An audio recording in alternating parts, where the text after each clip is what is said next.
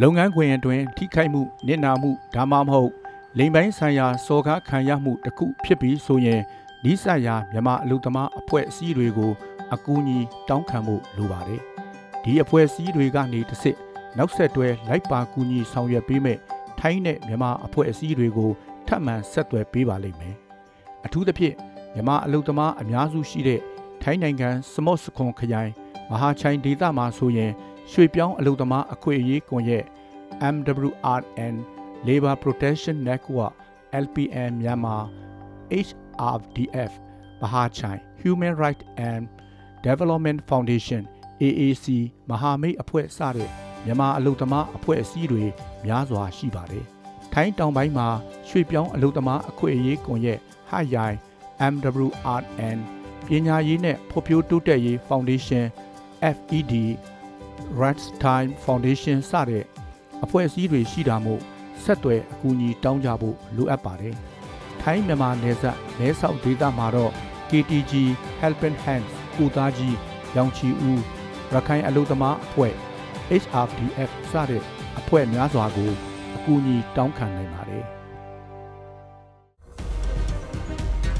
မင်္ဂလာပါရှင်မြန်မာနိုင်ငံတဝင်းကသတင်းတွေကိုဒဝဲ watch ပိတ်သက်တွေသိရှိစေဖို့ တပတ်အတွင်းမြန်မာသတင်းရေးရာအစီအစဉ်ကိုတင်ဆက်လိုက်ပါတယ်ဒီတစ်ပတ်မြန်မာရေးရာမှာတော့ဂျွန်လ17ရက်ကနေ18ရက်အထိတပတ်တာအတွင်းဖြစ်ပျက်တွေထဲကထူးခြားဖြစ်စဉ်တွေကိုကောက်နှုတ်ဖော်ပြသွားမှာပါဒီအစီအစဉ်ကိုဒဝဲ watch ဘိုင်းတော်သားတွေကစီစဉ်တင်ဆက်ထားတာပါ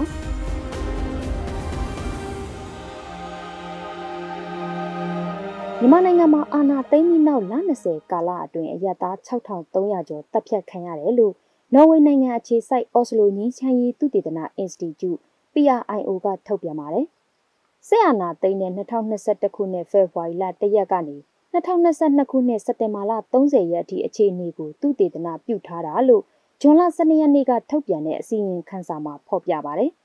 ။စစ်ကောင်စီကအရသားတွေကိုအ धिक တပ်ဖြတ်သူဖြစ်ပြီးအာဏာသိမ်းမှုစန့်ကျင်သူတွေကလည်းအများပြားတတ်ခဲ့တယ်လို့ PRIO ရဲ့သူတေသနပါမောက္ခကပြောပါတယ်။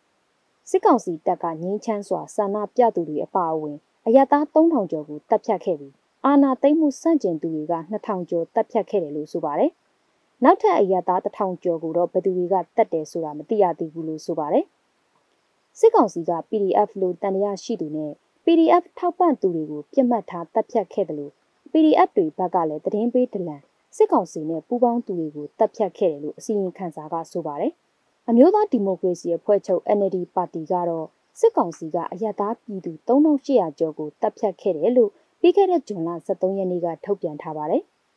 ။အာနာသိန်းကာလအတွင်းနေအိမ်ပေါင်း9000ကျော်ကိုစစ်ကောင်စီတပ်ကမိရှို့ဖျက်ဆီးခဲ့တယ်လို့သူတေသနအဖွဲ့တစ်ခုဖြစ်တဲ့ Data for Myanmar ကဇွန်လ15ရက်နေ့မှာထုတ်ပြန်ပါတယ်။စစ်အာဏာသိမ်းချိန်ကနေ2023ခုနှစ်မေလကုန်ထိ နိုင်ငံတော်ဝန်မှနေအိမ်9324လုံးမိရှို့ဖျက်ဆီးခံရတယ်လို့ဆိုပါတယ်။စကိုင်းတိုင်းမှာနေအိမ်9300ကျော်မိရှို့ခံရပြီးတနိုင်ငံလုံးမှာအများဆုံးဖြစ်ပါတယ်။မကွေးတိုင်းမှာ1000ကျော်ချင်းပြည်နယ်မှာ1600ကျော်မိရှို့ခံရပါတယ်။ကချင်နဲ့မန္တလေးမှာလည်း1000ကျော်ရှိပြီးတနင်္သာရီတိုင်းမှာတော့600ကျော်မိရှို့ခံရပါတယ်။နောက်ထပ်တိုင်းနဲ့ပြည်နယ်9ခုမှာလည်းမိရှို့ခံရတာရှိနေပါတယ်။2023ခုနှစ်5လအတွင်းမှာကိုပဲ နေအိမ်ပေါင်း2000ကျော်မိရှုခံရတယ်လို့ထုတ်ပြန်ချက်မှာဖော်ပြပါဗျ။လက်ရှိမှာသခိုင်းနဲ့တနင်္သာရီထဲကမြို့နယ်တချို့မှာလည်းစစ်ကောင်စီတပ်စစ်ကြောင်းမိရှုတာတွေရှိနေပါတယ်။စီရေးပြိပခပြင်းထန်တဲ့ကရင်ပြည်မှာပြည်내အစိုးရတရက်လိုအုပ်ချုပ်စီမံမဲ့ကရင်ပြည်ဂျာကာလာအုပ်ချုပ်ရေးကောင်စီ IEC ကိုဂျွန်လ12ရက်နေ့မှာဖွဲ့စည်းလိုက်ပါတယ်။ကရင်ပြည်နယ်အတွင်းကလက်နက်ကင်ဖွဲ့တွေနဲ့ဖွဲ့စည်းထားတဲ့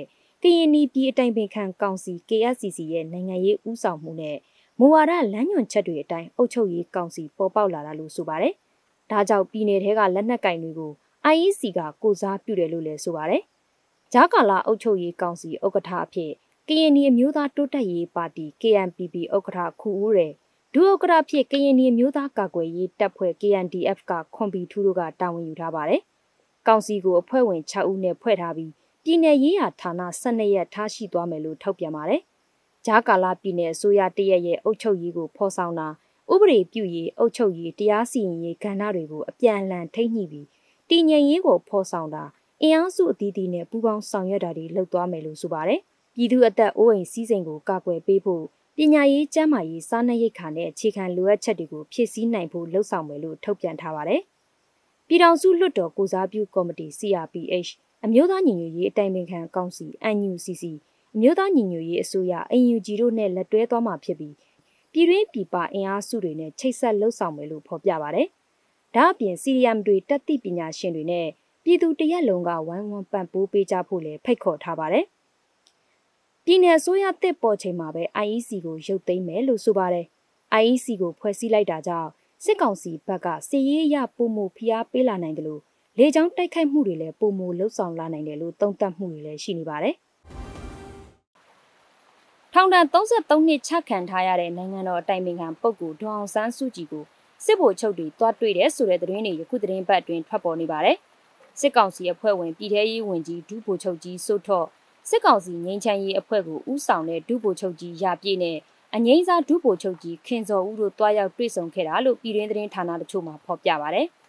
မေလကုံပိုင်းနဲ့ဂျွန်လဆန်းပိုင်းမှာနှစ်ကြိမ်တိုင်တိုင်တွားတွေ့ခဲ့တယ်လို့ဆိုပါတယ်။အာနာသိမ့်ပြီးနောက်ပထမဆုံးအကြိမ်တွားရောက်တွေ့ဆုံတာလည်းဖြစ်ပါတယ်။ပြည်သူ့ကာကွယ်ရေးတပ်တွေကိုနားချပေးဖို့နဲ့ငင်းချမ်းရေးကိစ္စတွေမှာဝင်ကူဖို့လာဆွေးနွေးတာဖြစ်ပေမဲ့ဒေါအောင်ဆန်းစုကြည်ဘက်ကသဘောထားမှတ်ချက်ပြန်ပေးတာမျိုးမရှိခဲ့ဘူးလို့ဆိုပါတယ်။စစ်ကောင်စီဘက်ကတော့အခုလိုတွားရောက်တွေ့ဆုံတဲ့ဆိုတဲ့သတင်းဟာကောလာဟာလပဲဖြစ်တယ်လို့တုံ့ပြန်ထားပါတယ်